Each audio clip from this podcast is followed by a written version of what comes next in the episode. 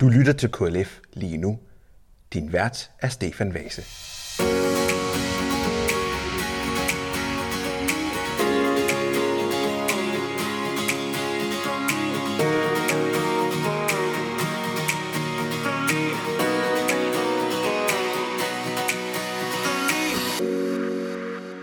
Velkommen til KLF lige nu. Mit navn det er Stefan Vase, og i dag har vi et lille jubilæum, og det skal jeg heldigvis ikke fejre helt alene, fordi der er faktisk, vi er tre i vores podcaststudie i dag.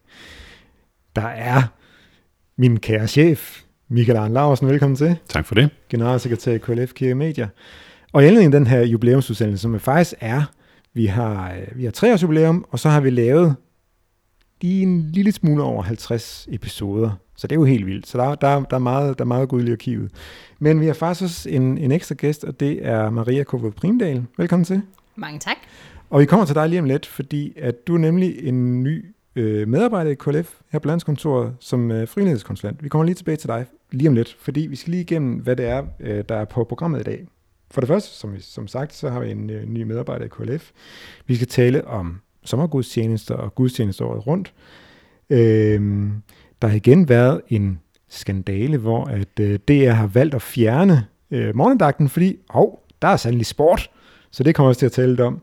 Øhm, og så vil jeg lige tease lidt for noget af det indhold, vi har i, i næste udgave af magasinet om, øh, om fremtidens public service. Det er sådan et minetema, vi har. Så har vi fået en, en reaktion på et, øh, på et DR2-program, som vi også skal tale om. Og så øh, skal vi kigge lidt i kalenderen, fordi der sker ret meget sådan i de kommende, i de kommende måneder. Men øh, lad os begynde med dig, Maria. Øh, kan du ikke lige kort præsentere, hvem er du, og øh, hvorfor er du her? Jamen, øh, jeg hedder Maria. Jeg er øh, 27 år gammel. Jeg har snart fødselsdag, så jeg er snart 28. Og så øh, er jeg mor til to og bor i Aarhus og gift med Daniel. Jeg er her, fordi at jeg er blevet ansat som frivillighedskonsulent. Mm. Startede 1. august. Mm. Og så er næsten lige, du, du har lige afsluttet din, din videregående uddannelse. Hvad, hvad er det, du er uddannet i? Jeg har en kandidat i diakoni. Og det er en super fed uddannelse. Min, min, min, jeg bliver nødt til at sige det, fordi min kone hun er, hun er uddannet diakon fra diakonhøjskolen. Så det, det er en super sej uddannelse. Det, det, det er en fed uddannelse. Det, det, det er desværre en af de uddannelser, der bliver lukket Yeah lige om lidt. Så det er lidt ærgerligt, fordi der, der, der er brug for flere, for flere diakoner med de kompetencer, der kommer ud af det. Øhm, det du skal arbejde med, det er jo, det er jo, det er jo frivilligt i, i KLF. Øhm, hvorfor er det? Fordi altså, du, du, du, du er lidt en, en speciel person, fordi du er både ansat i KLF Kirmeter, men du sidder også i landstyrelsen. Du er også med til at, hvad kan man sige, at tegne nogle af de streger i forhold til den nye frihedskultur i KLF. Hvad er det, som, som du sådan, øh, hvad bliver din primære opgave i, i KLF? Jamen, øh, min primære opgave bliver at få hjulpet den nye struktur, der er kommet i KLF godt i gang. Vi har ændret i den måde, man er frivillig på, øh, så man nu skal varetage nogle nye opgaver og gøre nogle ting anderledes. Øh, og derfor så er jeg blevet ansat i et halvt år til at få hjulpet den her struktur godt i gang. Mm. Og, og, og noget af det, det har vi også talt før, før om i den her podcast her, altså, altså noget af det, der er nyt, det er jo, at vi gerne vil prøve at pille alt det ud af det frivillige arbejde, som måske for de færreste egentlig giver energi. Det er alt det her med generalforsamlinger, vedtægter og økonomi. Så, så, så, så hvad er det så for noget, man, man så har mulighed for nu at fokusere på? Man får lov til at fokusere mere specifikt på det, man synes er sjovt. Så hvis der er en, der godt kan lide at fortælle andre om KLF, så kan vedkommende få lov at gøre det. Være ambassadør lige der i den by, som han eller hun bor i. Og hvis der er andre, der godt kan lide, og det er der jo heldigvis, at planlægge ting og øh, er gode til at spotte, hvem der kunne være gode i et repræsentantskab, så kan de få lov at få den opgave. Så man har øh, færre opgaver, men de opgaver, som de frivillige hver især gerne vil have. Hmm. Og, og, og, og, hvis jeg skal prøve at bruge en anden ord på det, så, så er der måske også noget, som, som måske, at det, det bliver nemmere måske at se udbyttet af det, af den tid, man lægger i det frivillige arbejde, ved at, at vi, har, vi har skåret alt det, det administrative bøvl væk. Ja, ja det er, det er jo nogle meget konkrete opgaver. Altså, øh, som ambassadør skal du skaffe nogle møder, så kan du jo hurtigt se, okay, nu har jeg sørget for, at KLF kommer ud i den her kirke og holder møde næste mm. år. Hmm. Og Michael, hvis vi lige må, må hive dig ind, ind, i, ind i den her snak her. Altså, altså, altså hvorfor er det, at, at, at, at eksempelvis møder, som Maria siger, hvorfor er det, at, at, at møder, det er så øh, centrale for os? Mm. Ja, det kan man godt undre sig over, men, men møderne er jo det sted, hvor vi ser og møder andre mennesker, mennesker, som måske ikke kender KLF i forvejen, heldigvis også nogen, der kender os, men det er det sted, hvor vi kan komme ud og præsentere den sag, vi brænder for. Det vi gerne vil, det vi gerne vil opnå med vores arbejde i KLF helt generelt, og få folk i tale. Så når jeg for eksempel kommer ud øh, i en kirke, som en ambassadør har fået skaffet adgang til, så har jeg mulighed for at fortælle noget om det arbejde, vi står med, og få andre til at se, hvorfor det er vigtigt. Så møder er helt afgørende for os. Jo flere møder rundt omkring i landet, jo bedre. Og derfor til Maria, jo flere ambassadører rundt om i landet, jo bedre. Mm. Øh, og hvor meget tænker du selv, du kan nå på et halvt år? Øh, jamen, jeg har altid et mål om at fordoble antallet af frivillige, så øh, når jeg startede øh, i dag, så vil jeg gerne have det antal fordoblet i løbet af ugen. så øh, altså, øh, lige nu har vi vel cirka 10, så det kan ret hurtigt blive til ret mange i løbet af de fedt. næste uger. Det er fedt, det er godt. Jamen, øh, velkommen til, og tak fordi du kom her i vores øh, podcast.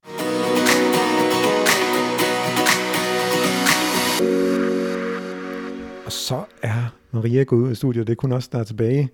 Øh, det sædvanlige hold det sædvanlige for den podcast. Hold. Det er godt. Jeg tænkte det samme. Men det er også rigtig rart at have, have, have, have andre stemmer med, bestemt. Øhm, vi skal videre den her, den her nyhedsafdeling og tale om sommergudstjenester. Ja. Sagen er den, vi har jo haft øh, direkte tv-gudstjenester for Domkirken i København. Var, var, var det nogen, du fik set? Jeg fik set en enkelt, ja. men jeg havde travlt i sommer med alt muligt andet. Så jeg kiggede lige ind og var med, men vi har jo også fået mange reaktioner mm, på det. Mm, mm, bestemt, og, og, og, jeg, og jeg var også tilstået, jeg, jeg har kun set en enkelt, men det var simpelthen fordi, jeg tænkte, jeg bliver simpelthen nødt til at se, hvordan det fungerer det her. Og jeg er jo virkelig, virkelig positivt overrasket. Det er jo ikke fordi, at, at den præst, der var på den dag, gjorde meget ud af at sige, vende sig mod kameraet og sige velkommen til gudstjeneste i Domkirken i København. Det gjorde, det gjorde ikke noget ud af, men jeg synes alligevel, jeg havde fornemmelsen af at være med.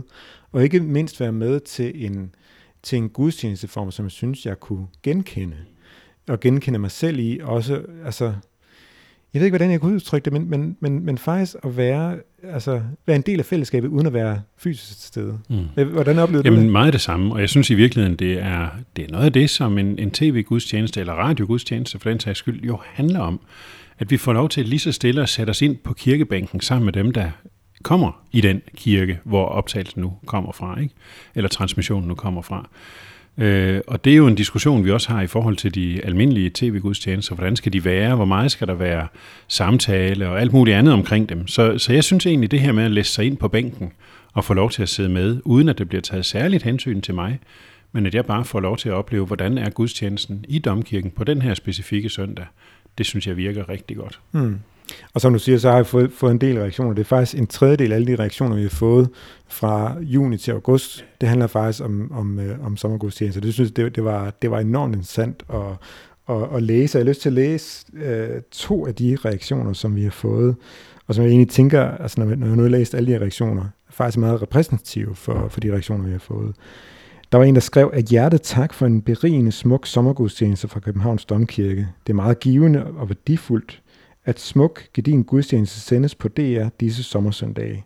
Det klæder DR, at de endelig har forstået, hvad folk har brug for. Tak til DR.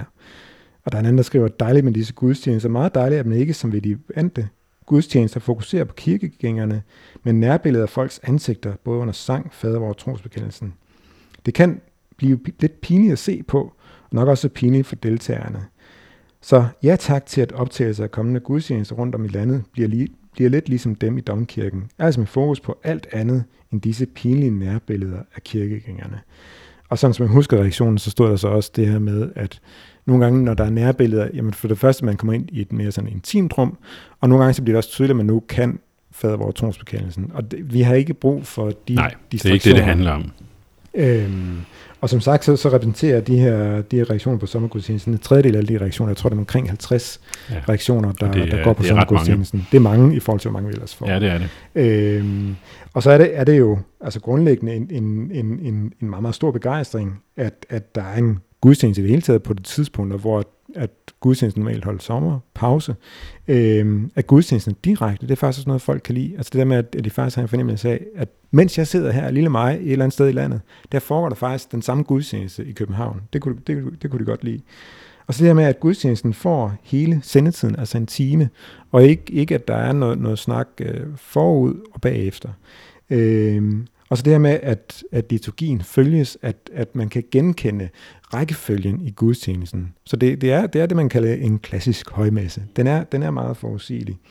Og så var ganske få, der, der havde noget, noget ris. Altså, de var grundlæggende glade, men så var der nogen, der syntes, at der, der var noget teknik, der fejlede. Der var også nogen, der var, der var, der var uenige i det, der blev prædiket over eller om. Og det, er jo, det, det, det, det, det noterer vi, men det er ikke noget, vi sådan ellers kommenterer på. Det er vi ikke tradition for i hvert fald. Øhm, når du hører de her, altså hvad, hvad, hvad, hvad tænker du så om, om, om ja, om sommergudstjenesterne? Jamen, jeg, jeg tænker, det er jo en kæmpe succes. Altså, vi har, vi har været talsmænd for, at det her det skulle kunne lade sig gøre i overvis. Øh, også før man fik installeret det her automatiske videoudstyr i Domkirken i København. Det har været et kæmpe ønske fra KLF's medlemmer, at der var gudstjenester hele året rundt, alle søndage. Og der har været den her meget lange sommerpause på, jeg tror, omkring tre måneder indtil i år.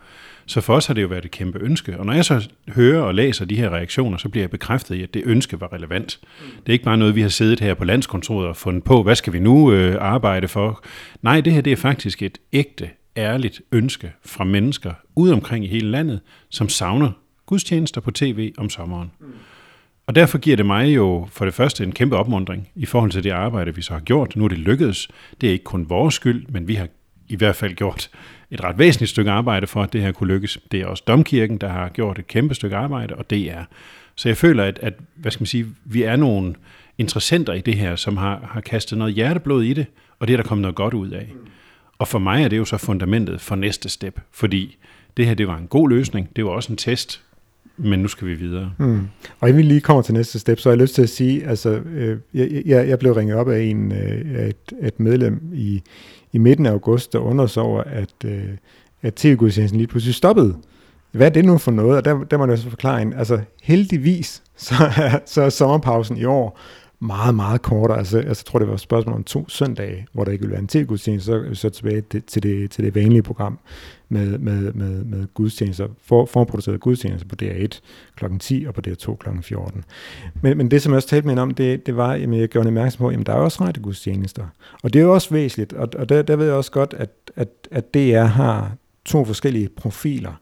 Altså i, i radiogudstjenester, der kommer de hele vejen, hele landet rundt, og rundt i den øh, store mangfoldighed, som folkekirken er, der er jo mange forskellige præster med hver deres øh, teologi, så man kan sige, der får man den store bredde, det får man ikke nødvendigvis til gudstjenesten.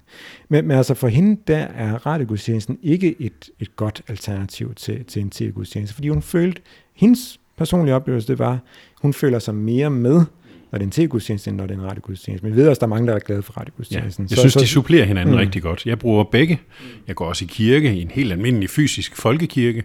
Men jeg synes, øh, der er situationer, hvor vi øh, som familie er på farten en søndag formiddag, og ikke kan øh, se en gudstjeneste, og der er radiogudstjenesten helt fantastisk at følge med i. Så jeg synes, de supplerer hinanden rigtig godt. Øh, og vi er på vej til at tale om næste step, men, men jeg har også lyst til at sige, altså vi, vi, vi talte med Johannes Gregers Jensen, der er domprost i Domkirken København, før at alt det her gik i gang, men hvor det ligesom var offentligt, nu, nu, gør, nu gør DR det her, sender direkte til gudstjenester fra Domkirken København. Og jeg var virkelig, virkelig spændt på, hvordan det ville spænde af. Altså, altså vi ved fra tidligere, i den, på det tidspunkt, hvor at der begyndte at være øh, direkte tv-billeder fra Domkirken under morgendagten, det gjorde noget for, hvor at folk de satte sig i, i kirken. Øh, og derfor var, var, var domkirkens præster naturligt nok spændt på, hvad betyder det for fremmødet i kirken? Hvad betyder det for oplevelsen af, at, at de almindelige kirkegængere kan føle, at de er til almindelig gudstjeneste, de ikke er med til en tv-optagelse. Og der, der er vores fornemmelse, at det faktisk har været en generelt en rigtig, rigtig god oplevelse fra, fra, fra, fra domkirken. Og hvad betyder det for mulighederne for at få tv-dækket hele året?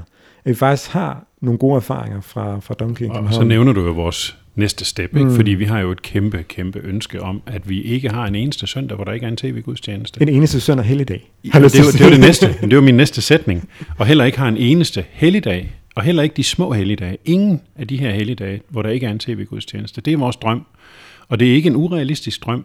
Altså nu har vi et, et maskineri, kan man sige, som kan gøre det øh, som ikke kræver, at, at Danmarks Radio øh, sender OB-vogne ud i, i hobetal for at lave store, dyre produktioner. Vi har faktisk et setup, der kan gøre det. Så som jeg ser det, så skal vi i løbet af meget kort tid have en snak med Danmarks Radio om, hvad, hvordan ser gudstjenesterne ud fra 2024. Kan vi allerede der sige, ja, nu lukker vi de sidste huller. Nu er der de almindelige forproducerede, som du siger, øh, tv-gudstjenester det meste af året.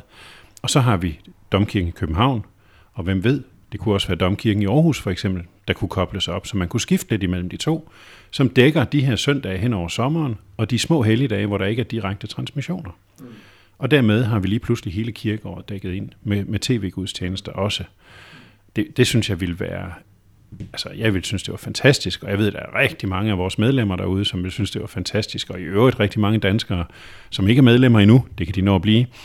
Øh, så jeg tror, det er et, et ønske, der er stort, og det kan du også, nu refererer du til en dame, der ringer til dig og siger, hvorfor sluttede de lige pludselig? Jamen, det skal vi ud over. Det skal være sådan, så der hver eneste søn og helligdag, uanset hvor stor den helligdag den er, mm. så er der en tv-gudstjeneste. Mm. Og, og der, der er det måske også lige meget, om det nu er forproduceret, om det, der er lækre tv-billeder, eller om det er relativt en, en, en enkelt produktion, hvor der er nogle fastmonterede kameraer, eller hvad? Ja, altså jeg synes ikke, det er helt ligegyldigt. Man kan sige, at hver har sin fordel. Altså i min perfekte verden, og den ved jeg godt, den får vi ikke. Det er nok for stor en drøm. Men det var jo, at der blev live-transmitteret fra en kirke hver eneste søndag og hver eneste helligdag. Jeg ved, det er dyrt, og jeg ved, det er urealistisk, i hvert fald som tingene ser ud lige nu. Man gør det jo i Tyskland, øh, men det kan vi ikke, som det ser ud i Danmark. Så derfor tænker jeg, at kombinationen af forproducerede gudstjenester, hvor man kan sætte sig ned og, og være til stede, der sidder mennesker, vi, vi er måske sådan en lille smule tættere på, øh, så kan man diskutere, hvor direkte billederne skal være på den enkelte, men vi er måske en lille smule tættere på der, plus de her øh, robotstyrede transmissioner fra måske to domkirker, hvor vi er lidt længere væk, men hvor gudstjenesten måske er mere klassisk, at det er en god kombination. Og hvis det bliver spredt ud over året, jamen så vil der være den her vekselvirkning mellem de to forskellige former, og det tror jeg vil være fint. Mm.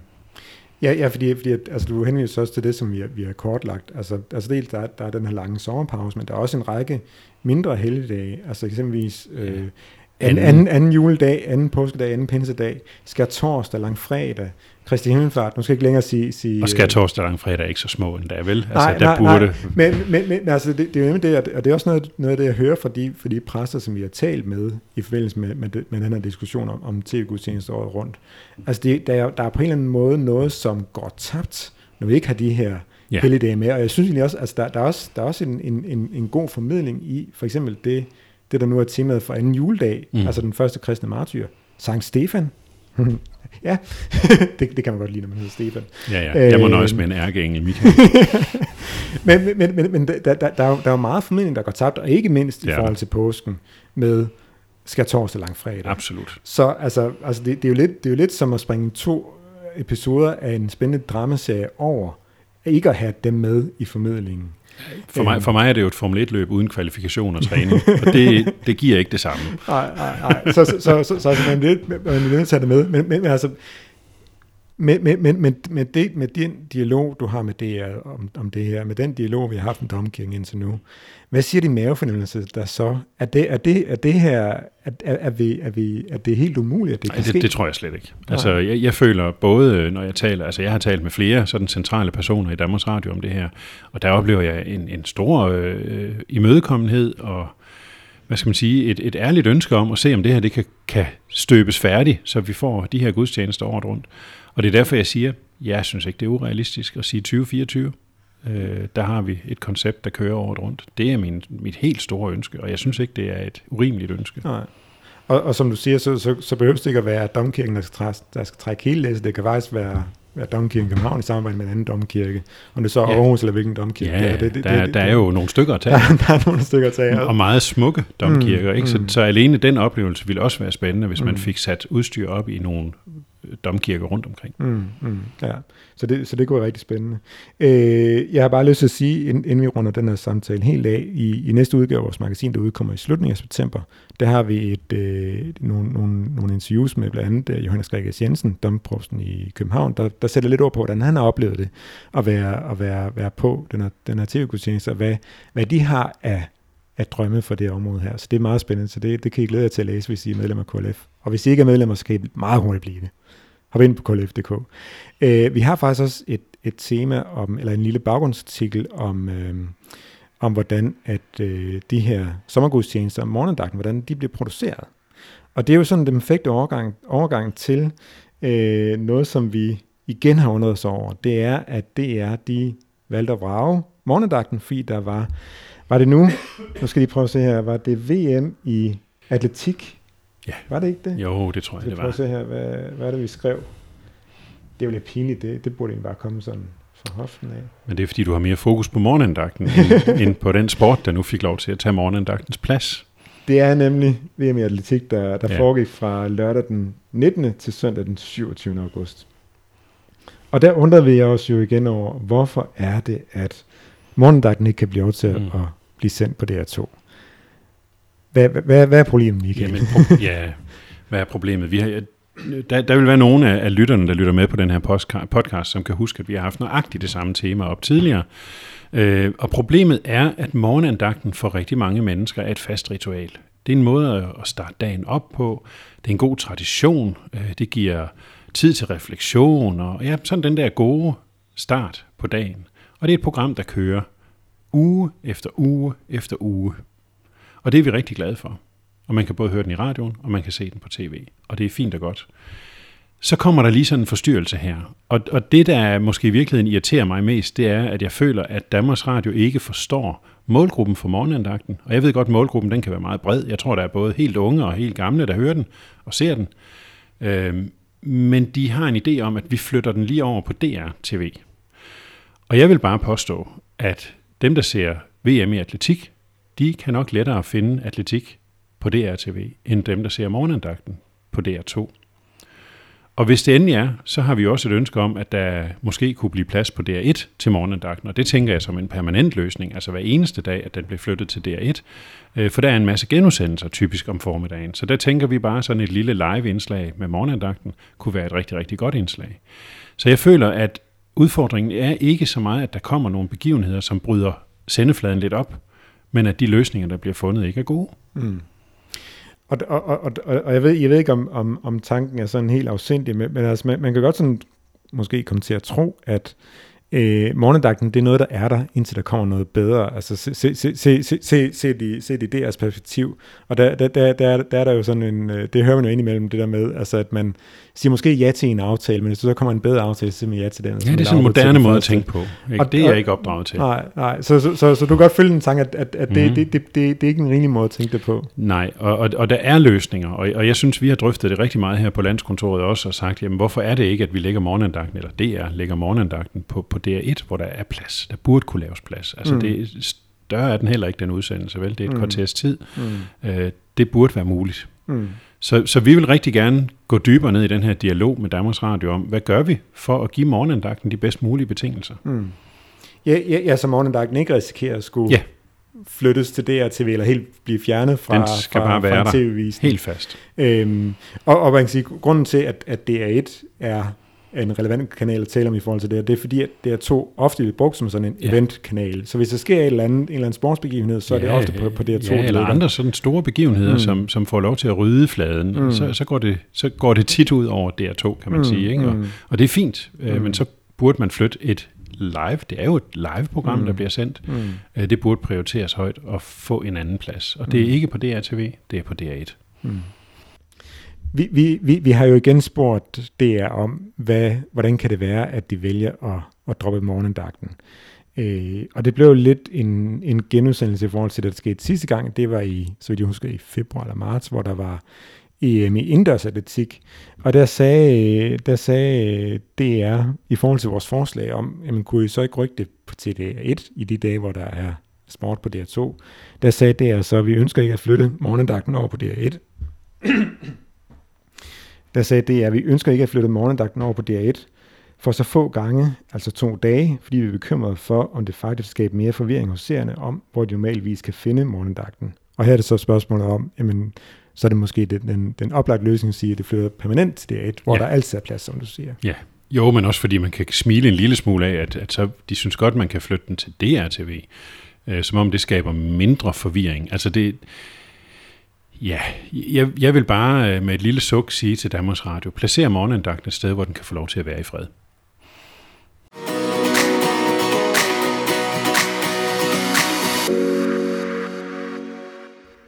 En, en sidste lille nyhed, jeg har lyst til at nævne her, det er, at, at vi i, øh, i næste udgave af vores magasin, som jeg allerede har nævnt en gang, der udkommer her i slutningen af september, der har vi et lille mini, tema om øh, fremtidens public service. Og det har jeg talt med tre medieordfører, der prøver sådan for hver deres del at sådan kigge i krystalkuglen og sige, hvad, hvad, er det for, hvad er det for en, en, en fremtid, som public service har i en tid, hvor at streamingtjenester og tech er kommet til at fylde mere og mere og mere øh, er der stadig brug for, for public service? Og der, der har vi interviewet Søren Søndergaard, enhedslistens medieoverfører, vi har talt med Mogens Jensen, øh, Socialdemokratiets medieoverfører, og så Mikkel Bjørn, Dansk Folkeparti's medieoverfører. Øhm, hvis du skal komme med, med, med dit bud på fremtidens public service, nu, nu har jeg spurgt medieoverførerne, jeg har ikke spurgt dig. Hvad, hvad, hvad tænker du om, om, om fremtidens public service? Er der stadig plads til public service i en, i en streaming-virkelighed? Det skal der være. Ja. Altså det er simpelthen, det er tvingende nødvendigt, at der stadigvæk er plads til public service.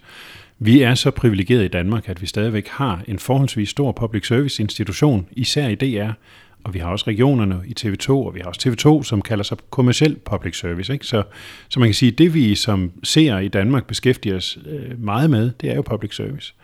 Og man skal ikke tage ret langt væk for at se, hvordan øh, verden ser ud, hvis man bor i et land, hvor der ikke er public service. Mm. Ja, man kan ikke tage langt væk. Man kan tage til USA, for eksempel, for at få skræmmebilledet af, hvordan det ser ud, hvis mm. ikke der er nævneværdig public mm. service. Ja. Så det skal der være. Mm. Og, det, og, det, og, det, og det var faktisk også et eksempel, som, som Søren Søndergaard han brugte, da jeg talte med ham. Altså, fordi vi, vi har måske en idé om, altså, hvordan, hvordan mediebilledet er i, i USA.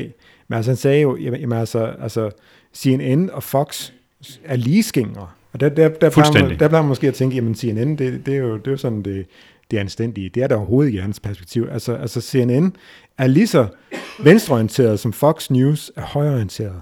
Så man kan sige, der findes ikke en platform, som hvad kan man sige, samler alle amerikanere og giver dem et, et indtryk af, hvordan, hvordan verden ser ud. Jo, der er, der er ganske vist noget, der hedder NPR, National Public Radio. Som er meget, meget er, lille bitte bitte. Man, og jeg tror, der er meget, meget få der bruger det som, som en kilde til, til, til udsyn og oplysning. Men også fordi en af udfordringerne er med de, hvis du nu bliver i USA, med de der store nyhedsstationer, som har været deres politiske ståsted, det er, at de holder sig ikke tilbage for at svine hinandens, altså hinanden til øh, for åben skærm. Øh, det, det er useriøst, og det er med til at grave grøfter, og det er med til at gøre et land, der i forvejen er meget, meget fragmenteret, endnu mere fragmenteret. Øh, så public service gør lige det modsatte. Altså velfungerende public service samler. Velfungerende public service er troværdige nyheder, som i så vidt muligt omfang er så objektive, som det overhovedet kan lade sig gøre, så vi kan stole på, at de nyheder, vi modtager enten hos TV2 eller Danmarks Radio, det er faktisk et billede af, hvordan verden ser ud ude omkring os. Vi skal ikke være bange for, at det er farvet af en eller anden politisk holdning, eller en kommersiel holdning. Det kunne jo være det andet. Øh, så der skal være plads til public service, og vi har lavet en, fået lavet en meget, meget flot tegning, som nu også findes som plakat, Øh, det kan være, at lytterne bliver nysgerrige på den, og så må de jo kontakte os, hvis de vil have fat i sådan en plakat. Men der har vi forsøgt at vise visuelt, hvordan vi ser verden, mediebilledet sådan set i fremtiden, ikke? hvor vi har en træsporet motorvej i venstre side af billedet, og i det aller, aller hurtigste spor, der kommer de her store streamingtjenester bullerne for fuld fart. Og så har vi jo længere man kommer ind i, i de langsommere spor på motorvejen, der dukker mere og mere public service op. Men det interessante er, at til højre for motorvejen, der har vi Marguerite-ruten.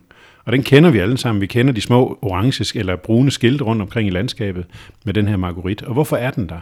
Den er der for at vise os, at her er der noget særligt smukt, eller spændende, eller et eller andet, vi skal under selv at se.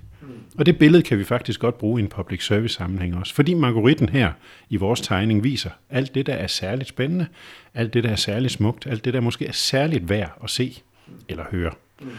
Så vi vil rigtig gerne, at public service medierne i højere grad fokuserer på Margoritruten. De må også godt ligge ude på motorvejen, måske ikke lige i det hurtigste spor, men de skal være på Margoritruten. De skal give os det der, som ingen andre giver os. Og det er ikke kun trostof, det er også øh, programmet om lystfiskeren, eller, eller historie, kultur, formidling, alle de der ting, som er vigtige for os, og med til at danne os som, som mennesker. Så ja, der skal være plads til public service. ja, og det er nemlig det, det der, altså, altså du, du, nævner, du nævner nogle, nogle programtyper, der ikke er den store sådan, kommercielle interesse for, og man kan sige, at det, at det, betyder det så, at der ikke er seere til det? Jo, der er seere til det. Men det er måske bare ikke noget, hvor, hvor at der er en masse store sponsorer, der siger, jamen vi vil gerne betale for en reklameblok op til et program med fælles sang, eller hvad det nu ellers har været af programtyper, som måske er smallere, men som stadig tiltrækker en, en, en mange mediebrugere. Så det, det er jo ærgerligt, hvis den type programmer forsvinder, fordi vi mister også noget af os selv i, i det. Ja, og man kan måske sådan lidt provokerende sige, hvad er bedst? At øh, 50.000 mennesker ser et kulturprogram og bliver klogere, for eksempel på klassisk musik, eller at øh, 500.000 ser et eller andet ligegyldigt fordummende underholdningsprogram. Altså, det er bare sådan en lille provokation. Hvad er bedst? Hvad er mm. vigtigst? Mm. Og, og jeg ved godt, hvad jeg mener. Mm. Og, der, og, der, og det, det er der faktisk øh, meget, meget pudsigt øh, i, øh, i, i den afsluttende del af interviewet med Mikkel Bjørn, Dansk Folkeparti's medieordfører.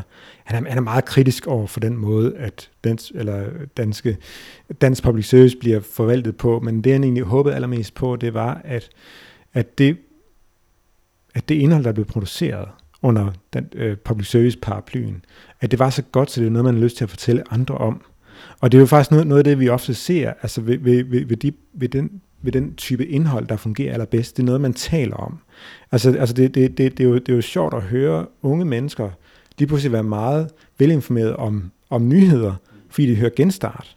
Altså et program, der er født som podcast, og som det, det er ganske vist blevet, blevet, et, øh, blevet et radioprogram på P1 også nu, man kan høre det der, men, men det blev født som podcast, simpelthen fordi altså det er en ambition om at nå øh, yngre mediebrugere med nyhedsformidling. Ja. Og det er virkelig god, gedin nyhedsformidling. Absolut. Som også, fik, som også fik en buket fra KFK Ja, men det er fremragende. men du kan jo også sige, hvad er det, du fortæller om, hvis du har været ude og køre en tur rundt i Danmark, når du kommer hjem og møder dine venner. Fortæl om, nu skal du høre, at vi kørte på E45. Det var fuldstændig fantastisk oplevelse. Der var både sving og, og bakker. Eller fortæl du, vi, vi kørte egentlig en tur ud på Marguerite-ruten. Øh, vi havde god tid, så vi tog lige en omvej. Og der så vi den her flotte landsbykirke, eller et eller andet, en smuk udsigt, eller det var bare en flot vej, og der var bøgetræer hele vejen langs vejen, eller vi fortæller om de særlige oplevelser, og det tror jeg gælder også i en medieverden, at ja, vi sad og så et eller andet øh, mainstream underholdningsprogram, det er der måske ikke så mange, der snakker om, medmindre det er meget spektakulært, men måske den der særlige lille oplevelse. Jeg er selv blevet grebet af opera, for eksempel fordi jeg så operarejsen. Det er jo sådan et lidt smallere kulturprogram, som forhåbentlig er nået ud til rigtig mange.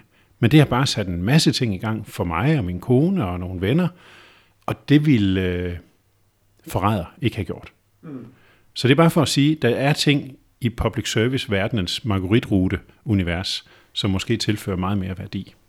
Og når du lige siger forræder, kan du så kort sige, hvad det er for et program?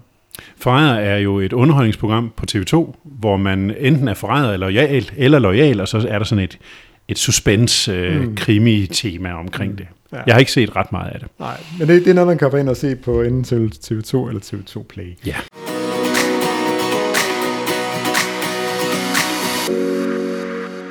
Vi skal til at runde af, men, men vi har et, øh, et smalt program, som nogle af vores, øh, som nogle af mediebrugerne har gjort os opmærksom på. Og et rigtig godt program. Og jeg har lyst til lige at spille et lille klip derfra. I 1912 støder Titanic ind i det isbjerg, ikke langt herfra. De mange ofre, der ikke gik med ned i det sorte og iskolde dyb i Atlanterhavet, ligger faktisk her på Fairview Lawn Cemetery. Hvis man er i tvivl om datoen, ikke? Jo, 15. april 1912. Og, så, og det sank jo på noget i retning af 2 timer og 40 minutter. Altså fra det rammer isbjerg? Ja. Jeg, jeg synes, det er så vildt det der med at tænke på, at, øh, at det der stiff upper lip orkester i salongen, der står og spiller nærmere Gud til dig, ikke? Nearer my God to thee. Der er den.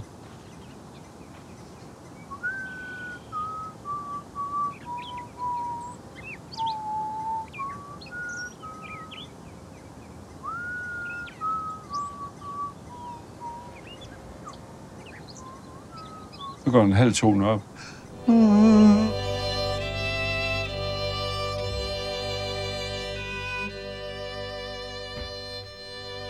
Jamen det er jo øh, et lille klip fra den udsendelse, der hedder Anne og Anders i Kanada, som man kan finde inde på DRTV. Øh, og du har set det her program her. Jeg har set nogle af afsnittene. Hvad, hvad, hvad synes du om det? Det er totalt Marguerite-rute. Jamen det er det jo. Altså det er, det er jo dokumentarprogrammer. De rejser rundt i Kanada. De har rejst rundt andre steder i tidligere programserier, men de rejser rundt i Kanada og opsøger danske rødder på mange forskellige måder. Øh, og den der stilfærdighed, der er i programmerne, den der ro, den smitter af på mig som seer. Øh, et af de afsnit, jeg så, der besøger Anders en, en brandvagt, som sidder oppe i en lille bitte hytte højt op på et bjerg, og hans opgave det er simpelthen at sidde og kigge ud over landskabet hver eneste dag og lægge mærke til, er der røg et sted, er der en, en skovbrand et sted, og så melde det. Øh, så den der helt, helt ensomme post, hvor der en gang imellem kommer en helikopter og afleverer lidt mad og, og andre fornødenheder til den her brandvagt, det, det fordyber han sig. Han giver det tid og lader den her mm, hvad skal man sige, fortælling om et meget, meget specielt job synke ind hos mig som seer.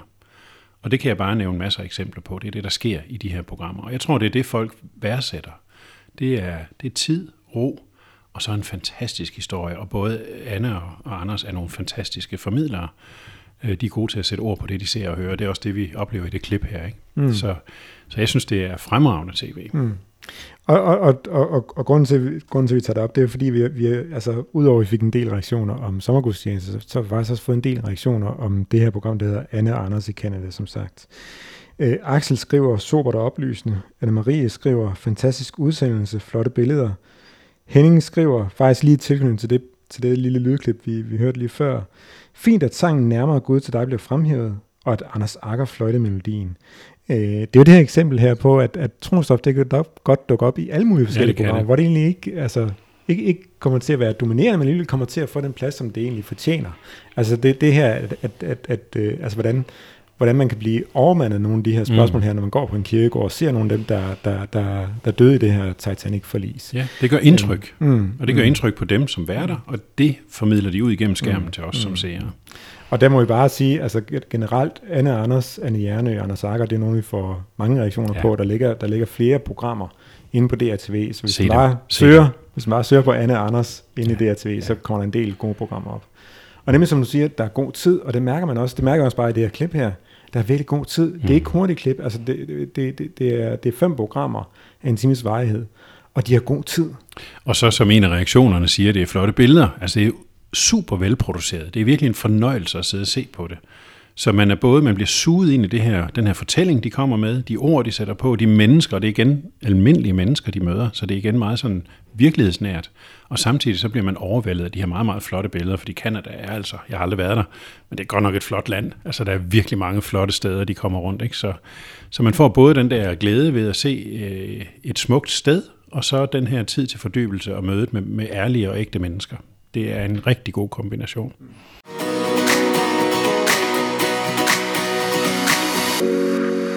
Vi skal småt til at runde af, men vi tager lige først et kig i kalenderen. Øh, fordi vi har, øh, vi har landsmøde den 7. 7. oktober i Holsted. Og for nogen der tror man, Holsted ligger i Ja. Vestjylland. Det gør det også. Ja, men der, der men det er ikke det. Der er faktisk et, et, et Holsted ved, ved Næstved. Øh, og det er jo faktisk øh, første gang, i hvert fald min tid, at der har været et, øh, et landsmøde i et ulige år. Ja. Vi plejer at have, have landsmøde i lige år. Ja. Hvad er det for et landsmøde? Det er jo en regel, vi indførte sidste år på landsmødet i oktober, hvor vi blev enige om at lave en ny struktur for KLF, og hvor vi øh, valgte at prioritere, at vi kommer lidt ud i landet, når vi holder landsmøder. Så vi har landsmøder hver andet år, øh, som vi plejer, de store landsmøder med valg til landstyrelsen og alle de der ting. Og så har vi i de ulige år et lille landsmøde, og det flytter vi rundt i landet, og derfor er det flyttet til Sjælland den her gang. Øh, om, og to år efter, så ved vi ikke. Så kommer det et andet sted. Det kan være i Nordjylland, eller Vestjylland, eller Sønderjylland, eller hvad vi nu finder på. Så det er et, et forsøg på at komme lidt tættere på, på vores medlemmer, og sige, at nu holder vi også et arrangement i nærheden af, at der er nogle andre, end måske dem, der plejer at komme til et landsmøde. Der er ikke helt så stort et program. Det var kun fra middag og så hen til sidst på eftermiddagen. Ja, men det skal nok blive godt. Helt sikkert. Og øh, fik du sagt, at Christoffer Emil Brun kommer? Det fik jeg ikke sagt, men det er vigtigt. Mm. Ja, det glæder jeg mig til. Øh, og han kommer og fortæller noget om, om øh, DR's øh, trosprogrammer. Ja, han er jo redaktør for Trostoffet i DR, og han er en rigtig, rigtig god fortæller. Så øh, de mennesker, der har meldt sig til landsmødet, de kan glæde sig. Mm. Og så helt, helt i starten af den her, den her udsendelse besøger jeg Maria, Mhm. mm-hmm. vores nye frivillighedskonsulent. Og hun er faktisk med på vores øh, inspirationsdage, ja. som vi har en hel stribe af i, øh, i november. 1. november er vi i Næstved. Sjovt nok meget tæt på Holsted, hvor at vi har vores, øh, vores øh, landsmøde. 2. november er vi i Kolding ved TV Syd, øh, 15. november er vi ved TV MidtVest, og så har jeg faktisk også et besøg på Bornholm. Jeg har ikke lige fået skrevet datoen ned. Men det, Jeg tror, det det er den 18. november. Vi satser på det er den lige der 18. omkring. Ja, Ja, det, det, det, det står inde på vores hjemmeside. Det står på vores hjemmeside. Hvis man bare går ind på kolef.dk, så, øh, så kan man se, hvornår vi har de her inspirationsdage. Ja. Hvem Det- vil gerne med på til de her inspirationsdage? Jamen, det er jo også en ny idé. Øh, Vi startede lige så stille op i foråret med en enkelt inspirationsdag, og nu har vi så fire i efteråret. Og det er planen, at der skal være fire inspirationsdage hvert forår og hvert efterår fremover. Og vi vil jo rigtig gerne bare invitere medlemmer. Alle, der synes, det kunne være spændende at opleve en, en tv-station eller en radiostation, det er der, vi har valgt at lægge dem i den her runde. Øh, Og alle, som er nysgerrige på, hvad vil det sige at være medlem af KLF? Hvad vil det sige at være frivillig i KLF?